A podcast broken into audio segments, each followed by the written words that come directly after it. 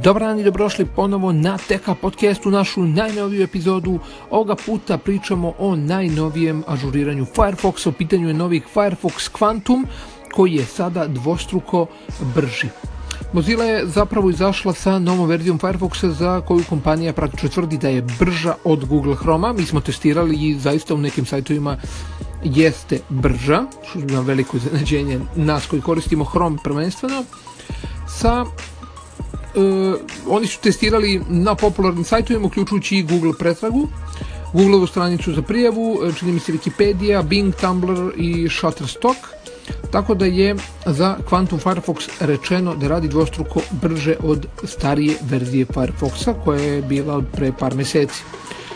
Naravno, oni tvrde da novi pretraživač koristi mnogo manje memorije od svih svojih rivala i da je naravno dizajniran da pomogne korisnicima da stvari rade mnogo brže. Tu je naravno i daleko e, najveće ažuriranje od kada smo pokrenuli Firefox 2004. godine bombastično najavljuju iz kompanije. A umeđu vremenu Chrome navodi, odnosno Google navodi da prevazilazi Quantum na određenim sajtovima, uključujući Google Doc, Instagram, BBC i Lifehacker, na primjer. Ono što se fokusira na brzinu, Mozilla je opremila Firefox Quantum sa novim korisničkim interfejsom pod nazivom Photon, a da bi kreirali Photon, njihov istraživački tim je proučavao kako ljudi pretražuju web. Oni su pregledali e, hardverski svet, jel, da bi vidjeli kako će Firefox da izgleda na svakom ekranu i potrudili su se da zaista dobro, i, e, dobro radi i lepo izgleda. Tako da zaista probali smo veliko zanađenje, moram priznati, impresivno radi.